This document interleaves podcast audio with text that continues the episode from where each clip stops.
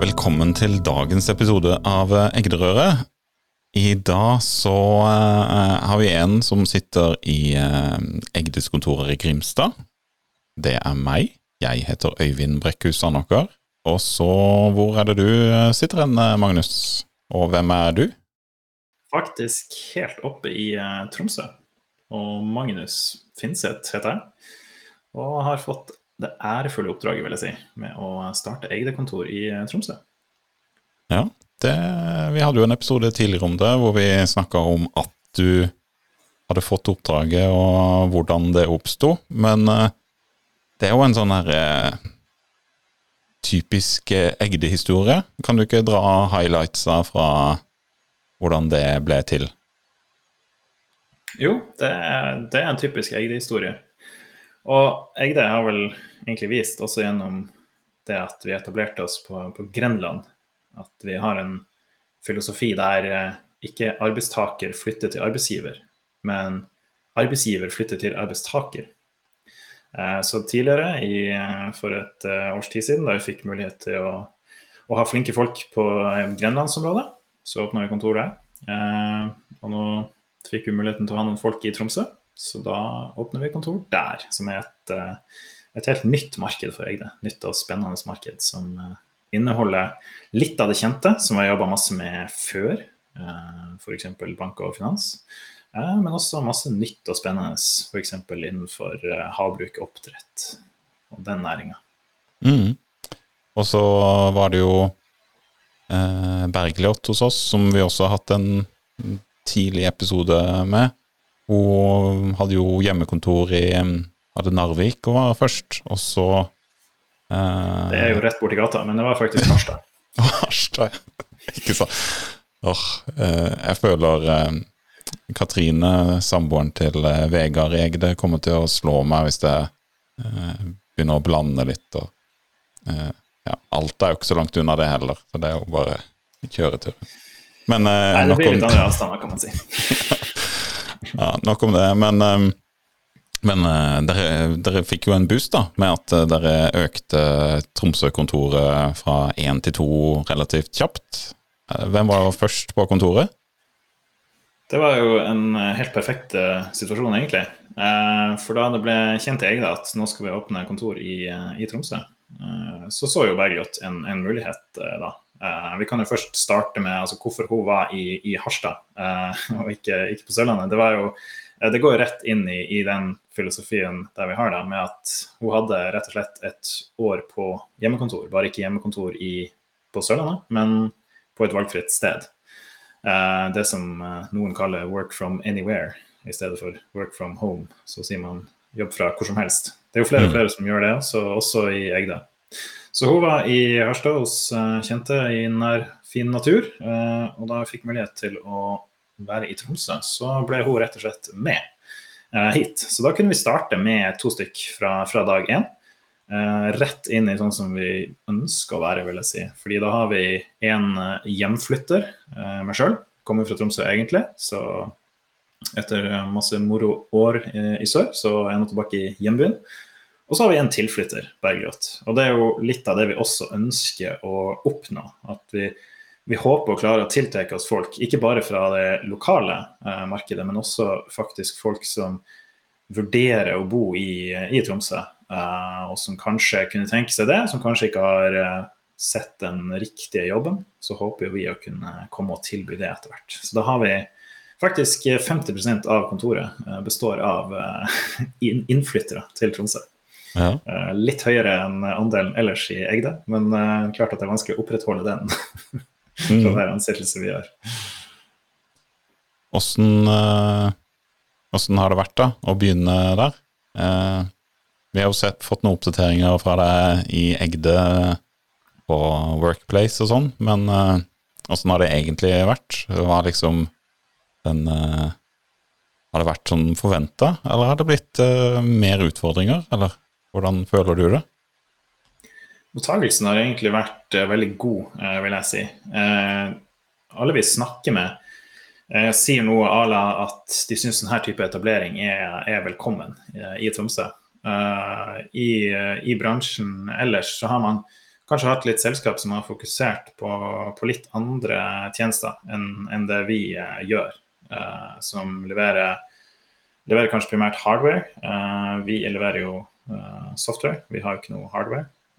Så, så, vi kommer med et annet tjenestespekter enn det som, som har vært her tidligere.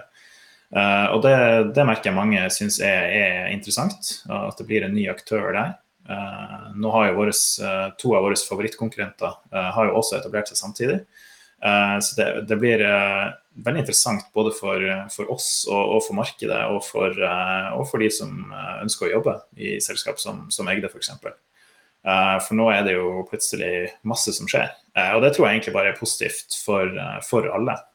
for det gir mer oppmerksomhet om denne typen tjenester, denne typen selskap.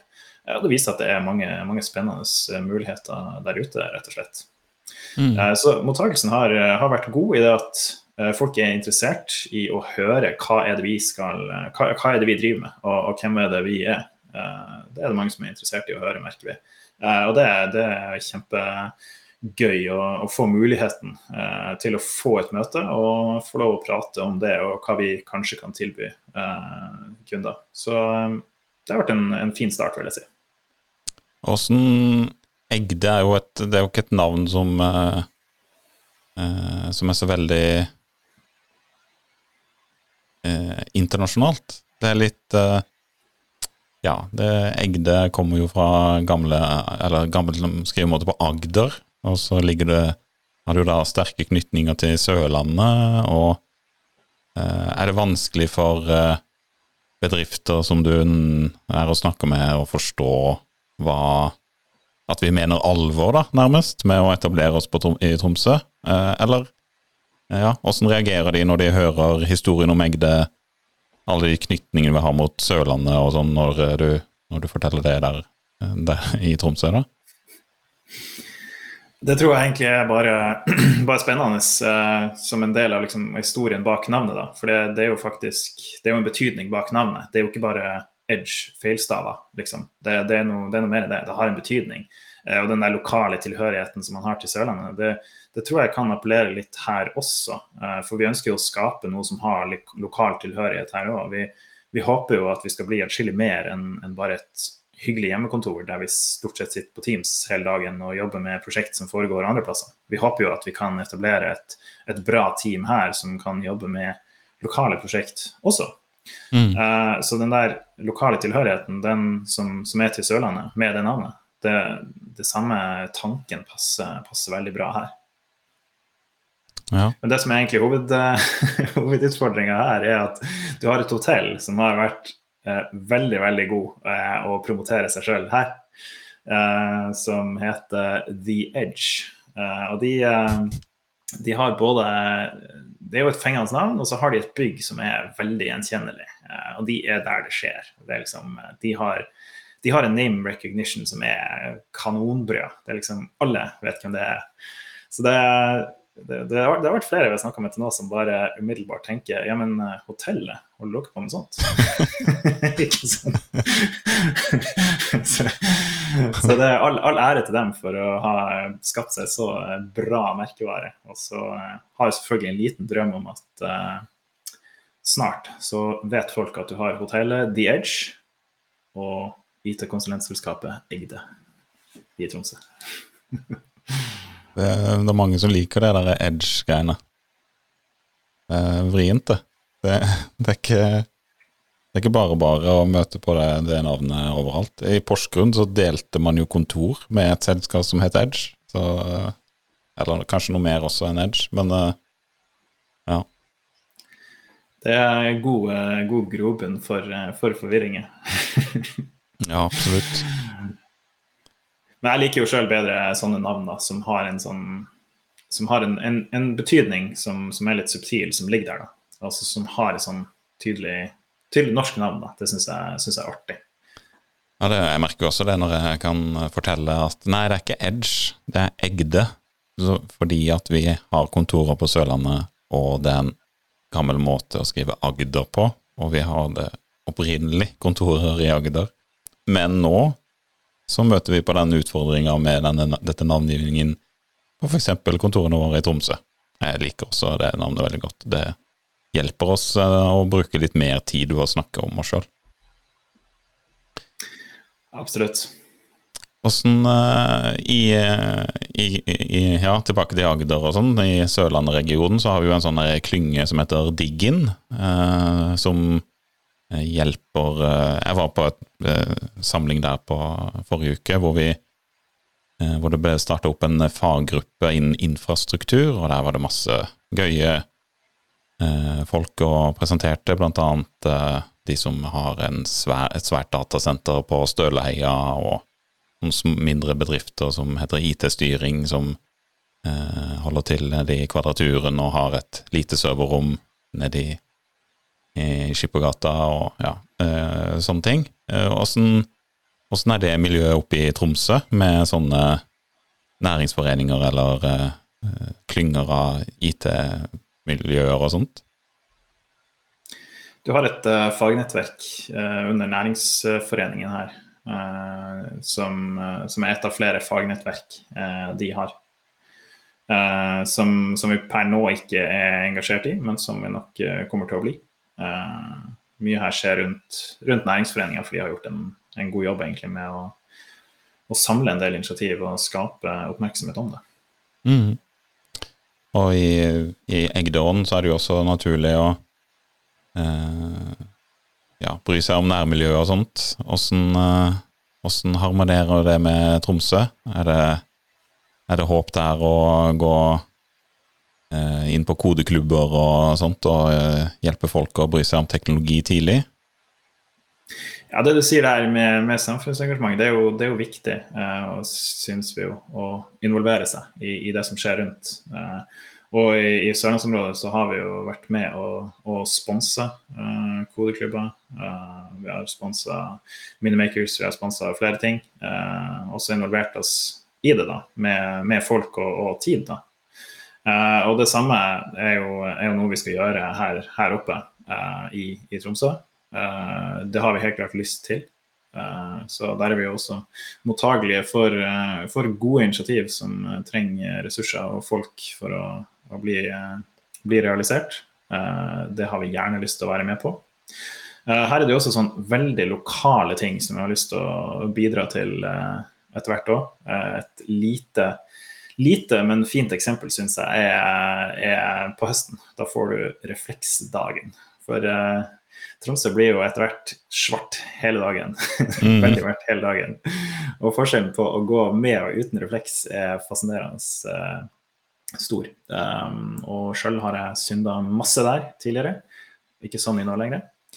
Uh, har liksom sett, sett at man blir litt mer synlig. Mm. Uh, så det er et eksempel der har å, lyst til å være med. da. Bare gjøre folk mer synlige, rett og slett. Ja. Og i det du sa det, så gikk lyset her. Det var jo Det var Ja. Nei, jeg er enig. Når det blir mørkt, så er jeg ute og løper litt på kvelder og sånn. Eh, da blir det mørkt til slutt uansett, så jeg har alltid med meg refleks. Eh, utrolig Ja, sånne ting er, er jo litt annerledes eh, der hvor det er mørkt døgnet rundt. En annen ting som kanskje er litt annerledes nå for tida, er jo at Vi kan jo nevne det at vi skriver 15. mars 2022 i dag. Og det har jo vært tre uker med krig i Europa. Det er jo helt bisarr å tenke på. Men vi i, på Sørlandet merker jo ikke så veldig mye sånn til det. Og vi føler jo at Russland er langt, langt unna. jeg sjøl var jo i militæret i Bardufoss, og jeg husker ja, var jeg i Tromsø på noen heisaturer et par ganger og hadde dimmefest på Er det Alfheim stadion heter? Tromsø, Geir? Ja, akkurat fest der, ja. ja. så, så, ja. Eh, men da ble det sagt at eh, hvis vi hadde Hvis det ble krig med Russland, så hjalp vi med å kutte ned invasjonen med syv minutter, eller et eller annet sånt. Helt, ja før Nato kunne komme og hjelpe oss, eller noe sånt. Åssen Åssen Hvordan merker dere noe annet i Tromsø enn hvis du hadde fremdeles bodd på Sørlandet, tror du? Med den krigen som nå er i Europa? Ja, her er det et par ting som er kanskje en tydelige konsekvenser eh, av det. Eh, I forspillet eller opp, eh, oppladninga til det, eh, så har det jo vært en del eh, synlig omtale av, eh, av diverse allierte atomubåter som har vært på besøk. Det ligger en havn her som vi er innom for å, å hente forsyninger i. Eh, sånne ting får oppmerksomhet når du har den typen eh, ting innom. Eh, det er jo rett utenfor byen her, så det, det kan, man, kan, man, bare ta en kort kjøretur for å se på om man vil. Mm. Men det tydeligste konsekvensen vi ser her, egentlig, er, har vært russiske trålere og fiskefartøy. For de er jo ofte innom her i en normalsituasjon, bidrar faktisk ganske mye til økonomien gjennom at de kjøper masse tjenester til sammen når de er her. Eh, det er alltid en masse russiske båter innom her forskjellige, i forskjellige ærender. da. Uh, så, så, de bruker jo Tromsø som en, en, viktig havn for dem. da. Uh, men det som har faktisk skjedd den siste perioden, er at man plutselig har fått masse sånne som må ligge her. Uh, for de får ikke betalt for tjenestene sine etter at de fleste bankene ble stengt ute av det her eh, Swift-systemet. Ja. Um, til slutt får de jo betalt, men det tar mye lengre tid. Mm. Så å se disse ligge såpass lenge, det er ganske, ganske uvanlig. Uh, og så er det jo mange som med rette er redd for at de skal forsvinne også, uh, nettopp fordi at de bidrar så mye til den lokale økonomien. Mm. Ja, nei, det er jo ganske Det blir jo enda tydeligere når det er sånne fysiske eller ting du ser, ja. Så det har vi jo ikke her, eh, her på Sørlandet. Mm. Nei, så det, det, er konsekvenser eh, som er kanskje som man ikke ser for seg sånn i starten. og som likevel er, Det er jo ikke krig her, men det er likevel en direkte konsekvens av krig. at mm. det blir sånn. Nei, så det er litt spesielt, helt klart. Ja. Hm. ja. Nei, for det blir jo blir jo veldig spennende nå å følge den utviklinga med flyktninger som kommer til Norge. Og det, i, det, vi hører her nede på Sørlandet i Arendal og Grimstad, er jo at eh, flyktninger skal jo eh, bo eh, privat. Skal i hvert fall ikke opprettes noe mottak. Og det er jo litt annerledes, tror jeg, eh, enn hvordan det har blitt gjort tidligere. Så det, det virker som en, en annen måte å ta imot uh, flyktninger på denne gangen da, enn enn i tidligere fase, eller tidligere flyktningeperioder.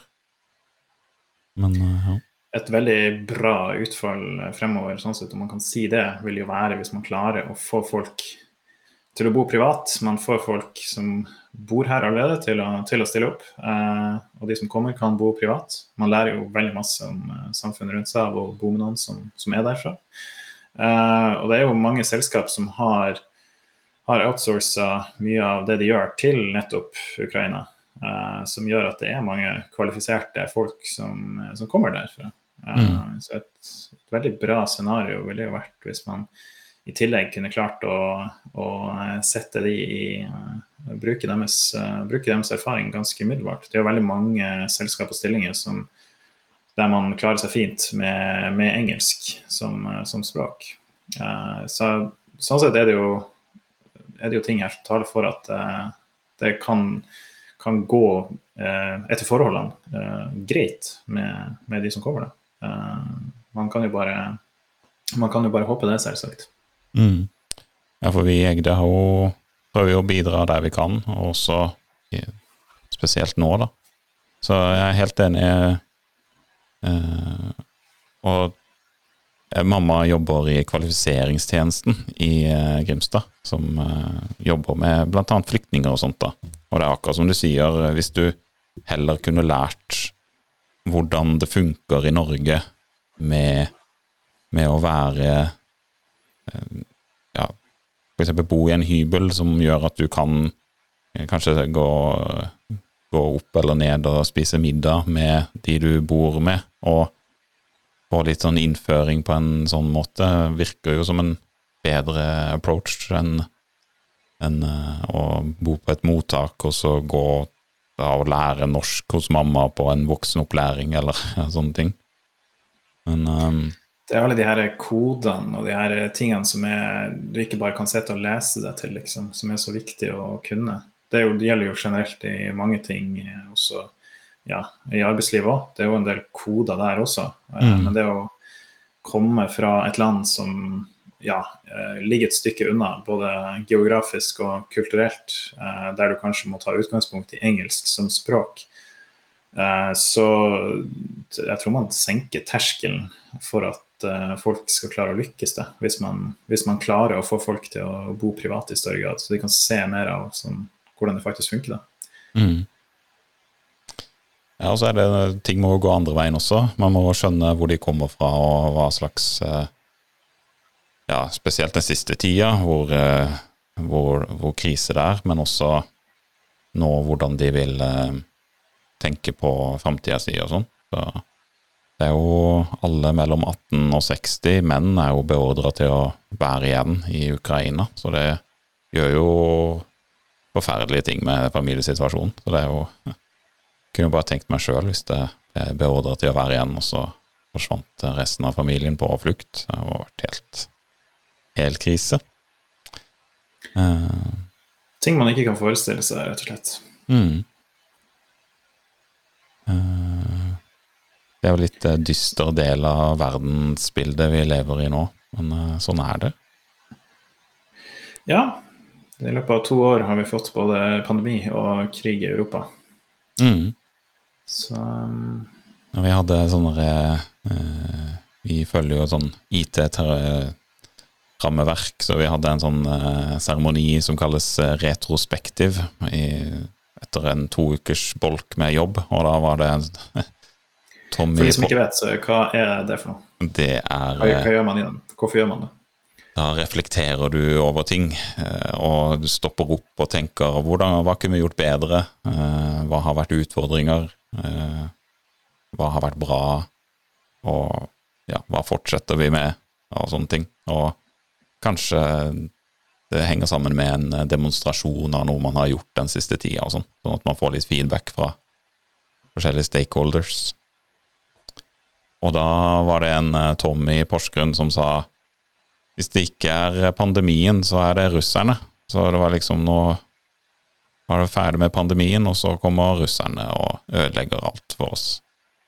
Det, det er jo noe med det derre uh, Hvor krise det blir, da. Uh, når du når du får den ene tingen etter den andre. Jeg tror det kan gjøre en del med, med folk uh, i Norge også, selv om man må tenke at man har det ganske greit her, selv om man ikke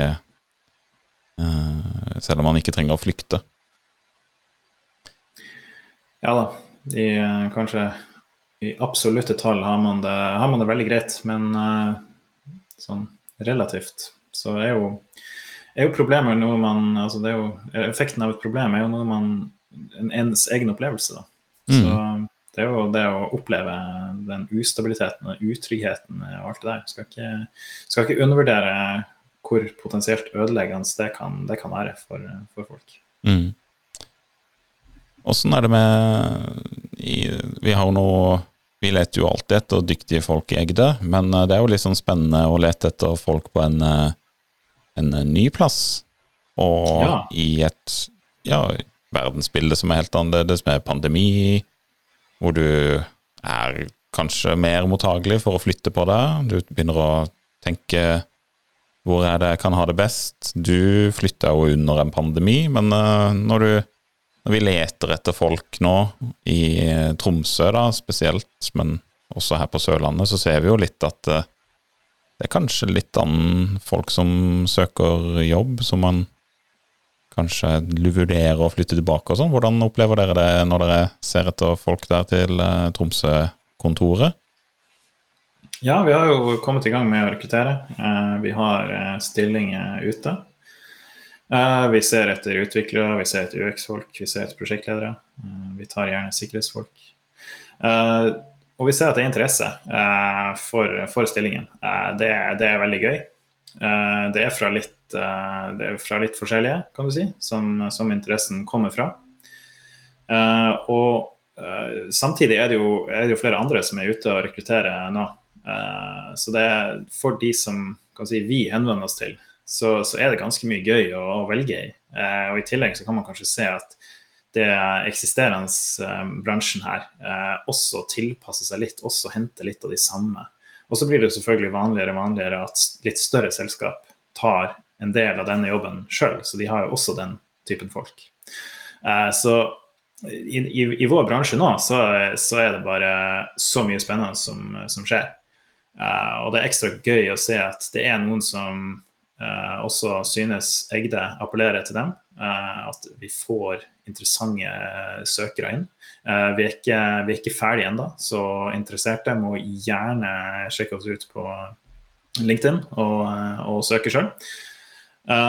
men fremover da, altså, neste seks til ni måneder blir det veldig spennende tror jeg, å se hvordan, eh, hvordan eh, bransjen her endrer seg. Eh, og alle oss nye aktører i, i Tromsø-området. Hva vi klarer å treffe av, eh, treffe av, folk når vi skal rekruttere.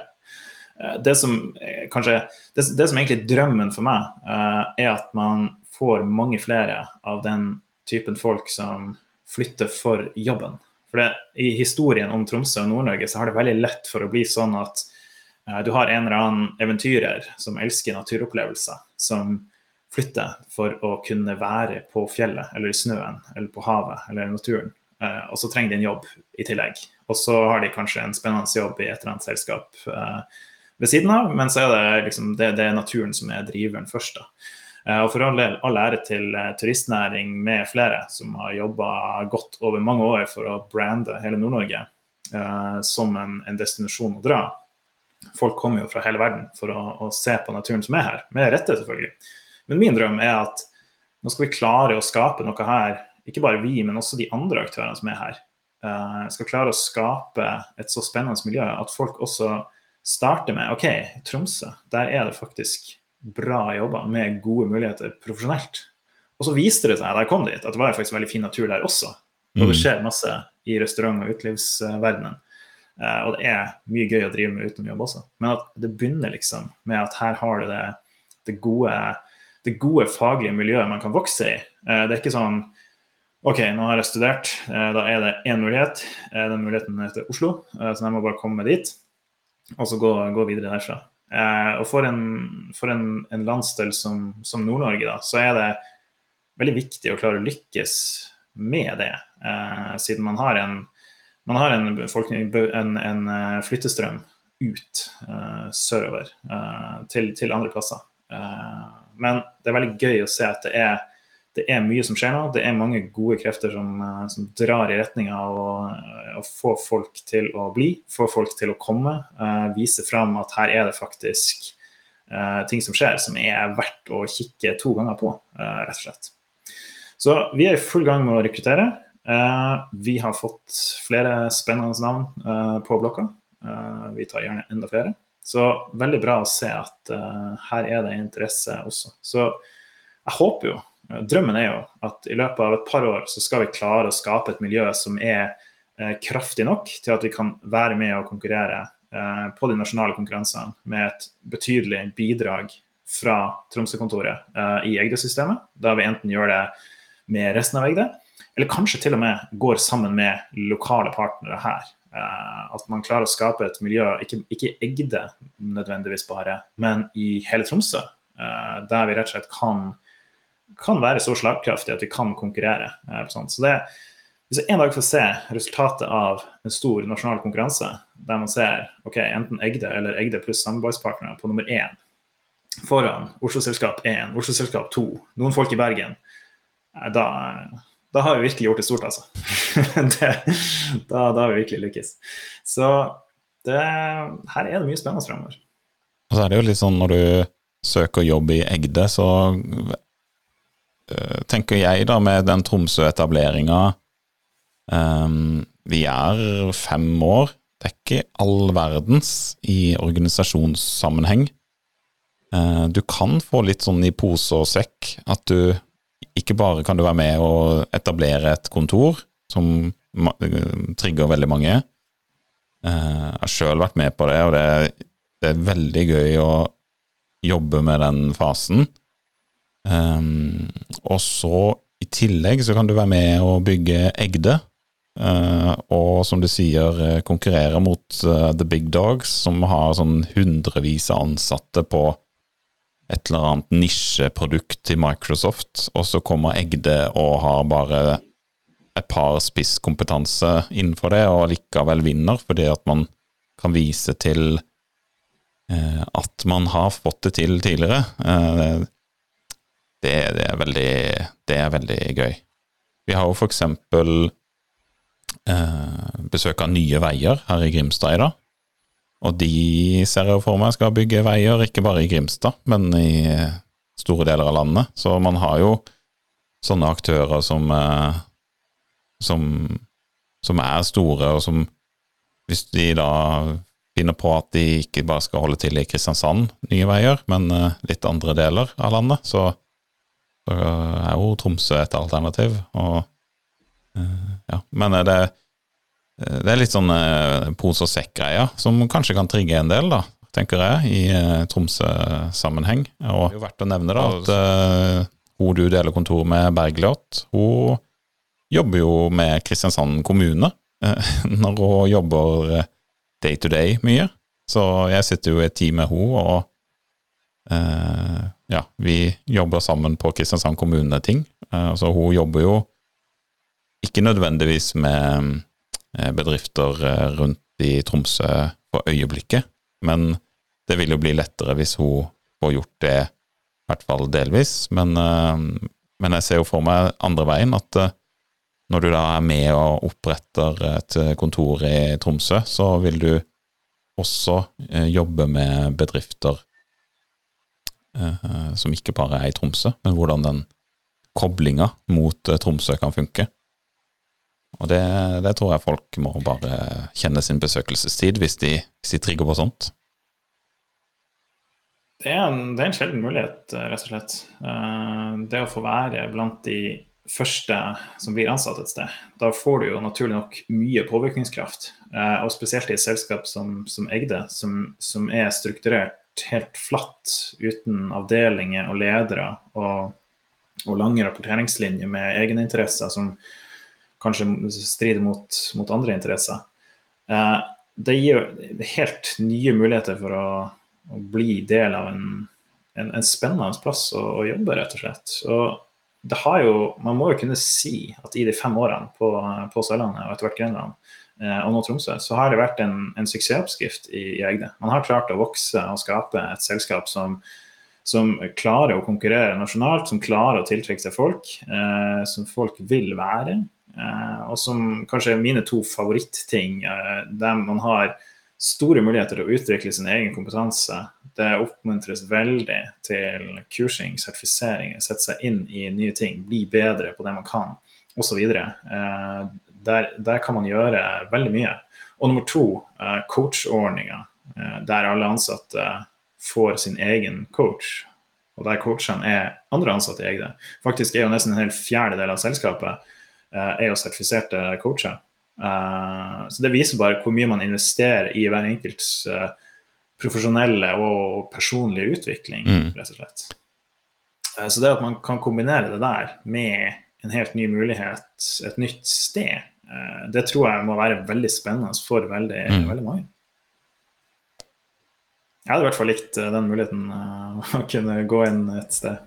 Uh, men jeg fikk jo gjort det, så da er jeg i gang. Ja, jeg tror også jeg er helt enig. Og det er litt sånn um, Vi har jo mange nyutdanna i Egde, uh, så du får liksom den driven til de også, day to day. Det, det syns jeg er veldig gøy. Samtidig så har vi rutinerte folk som har vært gjennom en del stormer tidligere, som da eh, er liksom de der bautaene både i eh, tilbudsskriving, til organisasjonsstyring, til å kjøre prosjekter, og som du liksom kan lene deg på, da. Så det, eh, det, det, det hadde vært det er alltid noen å lære fra. Det er alltid Absolutt. noen å spørre.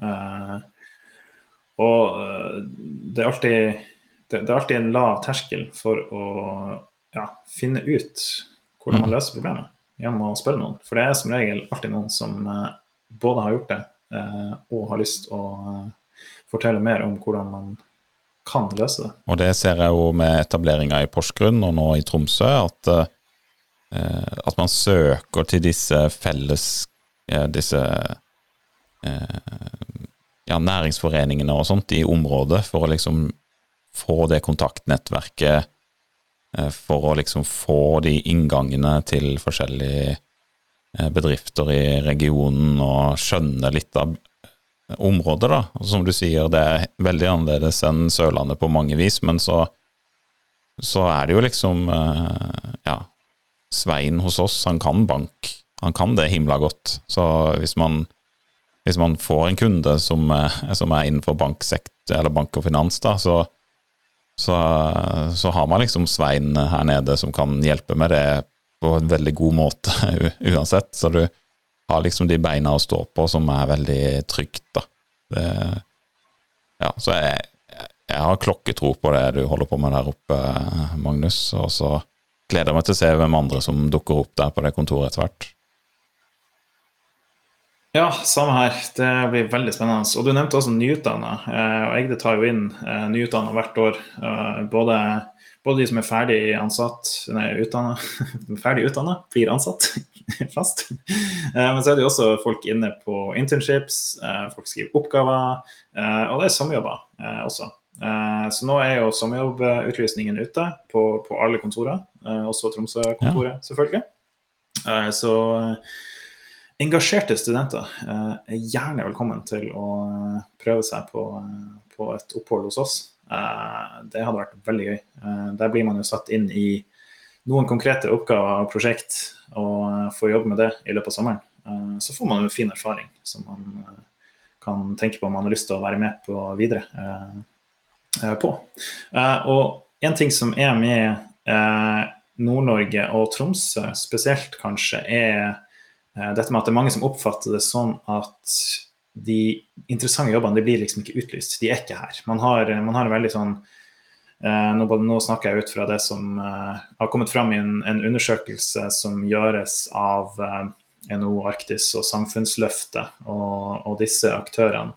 Eh, som har resultert i et initiativ som heter 1000 jobber. Eh, det er en kampanje for å rett og slett få utlyst og få folk inn på sommerjobber uh, i, i Nord-Norge. Uh, enten få folk til å komme hit og sommerjobbe, uh, eller at man får vist fram alle de forskjellige sommerjobbene som, som, er her. Fordi tilbakemeldingen fra de som de, de snakker med, altså tilbakemeldingen fra de, de yngre, de som trenger å komme seg inn og opp i arbeidslivet, det er at det er ikke noen stillinger som utlyses i særlig grad her. Det er veldig mye sånn intern rekruttering. Man uh, kjenner noen, og så blir det ikke utlyst, og så får man ikke vite om det, og så kommer man ikke inn på det, osv.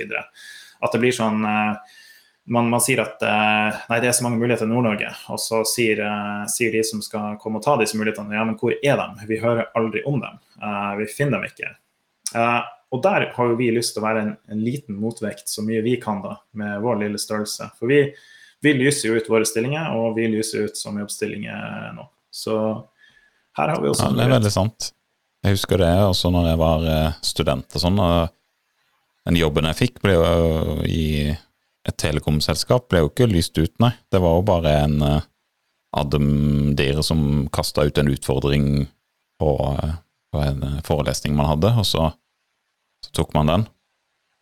Så ja, kjenner meg igjen der. og det bedrifter må jo bare ha stillinger ute. Og hvis man kan si litt mer om hva de handler om, så er det jo kjemperelevant for studenter. Og å ta inn studenter er jo, det er jo kjempebra. Både for bedriften og for studentene. Eh, sommerjobb er jo kjempegøy. Ja, det å ha en relevant sommerjobb under studiene er jo, mm. det er jo perfekt.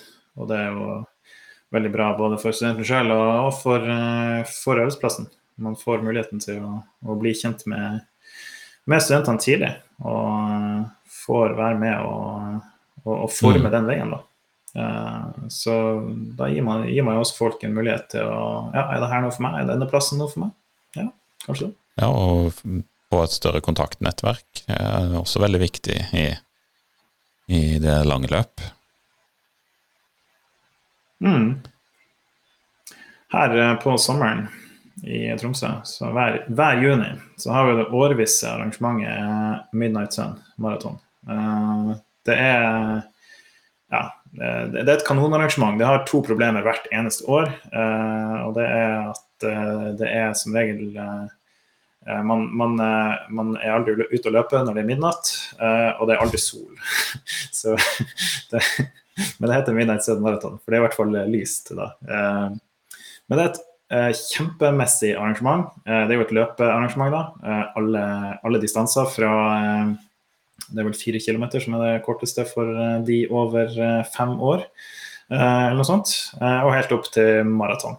Med kontrollmålt løype og hele greia. Kanonarrangement. Så jeg har veldig lyst til at vi skal få til et uh, Egde-arrangement med Middagsøy Maraton som mål.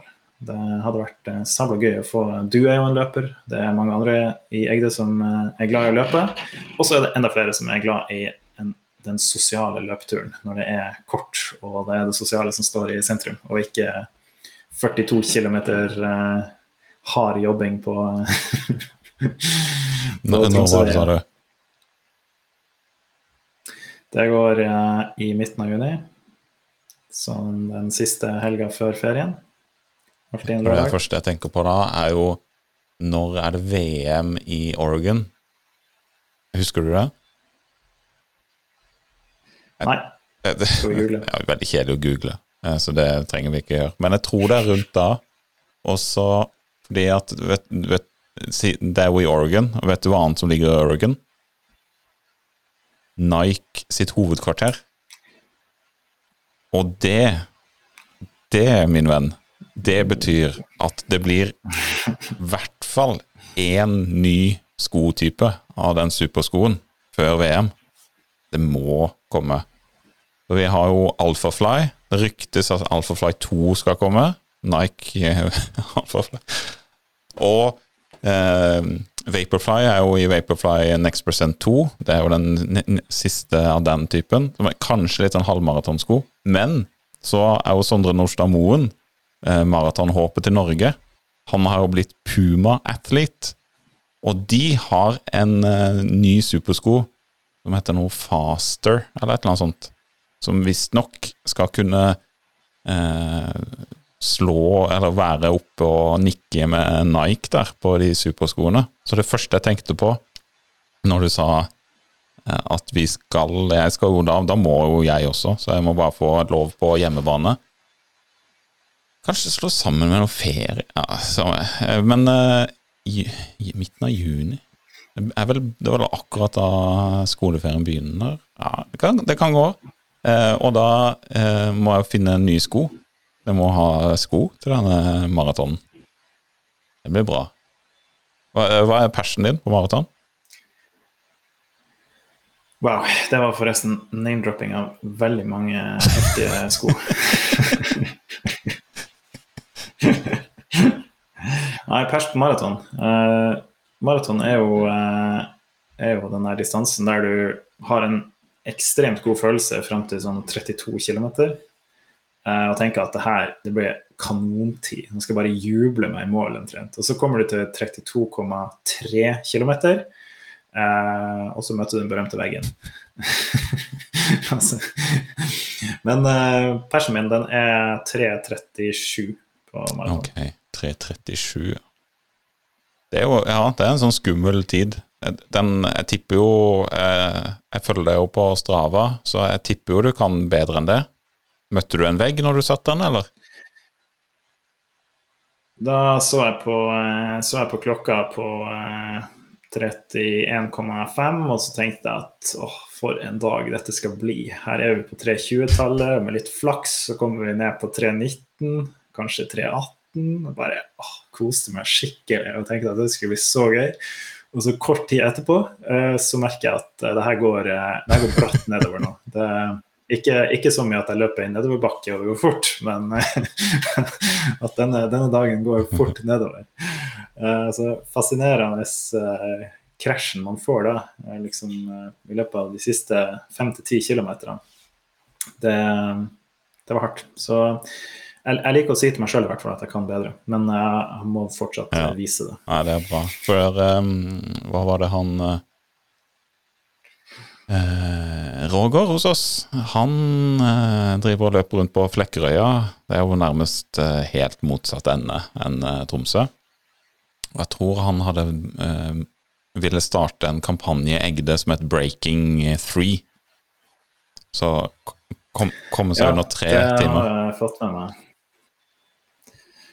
Altså, det er jo det er jo det magiske tallet. Og eh, har du, har du, er, du, er du en, eh, som det så fint heter, sub 3-løper, da, da har du jo en helt opphøyd status blant andre Ja, men du er jo ikke supermosjonist før du begynner å tenke på under 2,30, da. Så det er jo Når du da har fått under 3, så er det jo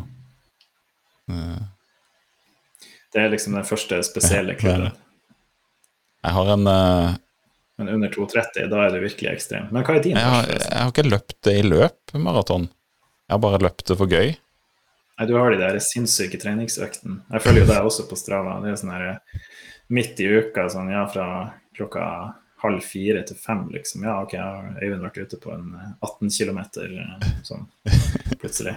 Jeg liker å løpe langt. Jeg bryr meg ikke så mye om farta, egentlig. Utenom én gang hvor eh, det var en, eh, en nabo av meg som skulle løpe Berlinmaraton. Da var det litt gøy å være på de der nøkkeløktene sammen med han.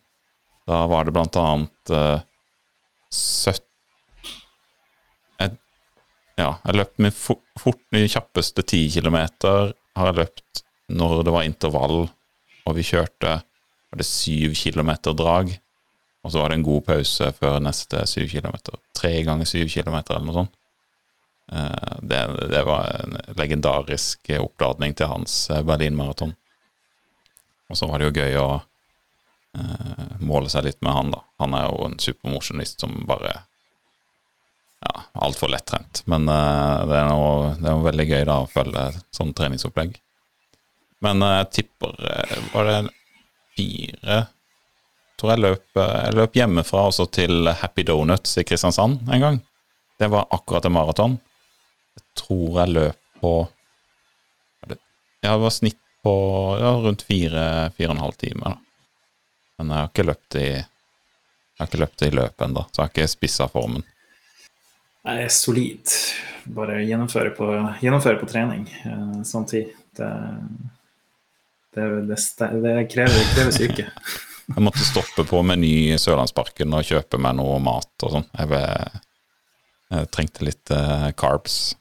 Men eh, jeg kom meg til, eh, kom meg til Happy Donuts nede på Tangen. Nei, helt rått. Helt rått. Ja, da fikk vi lurt inn litt uh, løpenerding også. eh, Sånn Det er egentlig det som er poenget med den podkasten her. Herlig. Ja, de, eh, de store digresjonene. Ja. Men eh, jeg syns jo det er veldig spennende, Tromsø-kontoret. Og det er jo også bare, som vi har sagt, eh, helt i eggdåren å gjøre akkurat det. At eh, Magnus eh, har lyst til å flytte hjem, og hva gjør vi med det? Det, det er jo Det er jo mange som sier at vi har en fin eller god kultur, og ja da, ja da, ja da. Men uh, proof is in the pudding, og dette er jo kroneksempelet på at sånn er det Egde. Så hvis noen uh, lurer på hvordan eh, det er å jobbe fra Tromsø i et uh, i, i, i, Hos noen som egentlig har hovedkvarter på Sørlandet, så, så gjør vi jo ikke dette bare for gøy. Eh, eh, det er jo en del av eh, en kulturen vår. Det, er altså, det er vel så naturlig å ha dere på lag når vi skal levere tilbud eller noe sånt, som, som å ha lokale i Porsgrunn, Grimstad eller Kristiansand. Ja, vi gjør det ikke for gøy, men vi har det jo Mm. mens vi gjør det. Ja, men før vi drar av gårde på en ny digresjon, eh, for jeg kjenner det ligger litt eh, Vaporfly og Alphafly og noe A6 eh, Magic Speed Sky og lurer i bakgrunnen her nå, men uh, før vi drar av gårde der, så får vi bare ønske folk en god dag videre. Ha det bra! Ha det!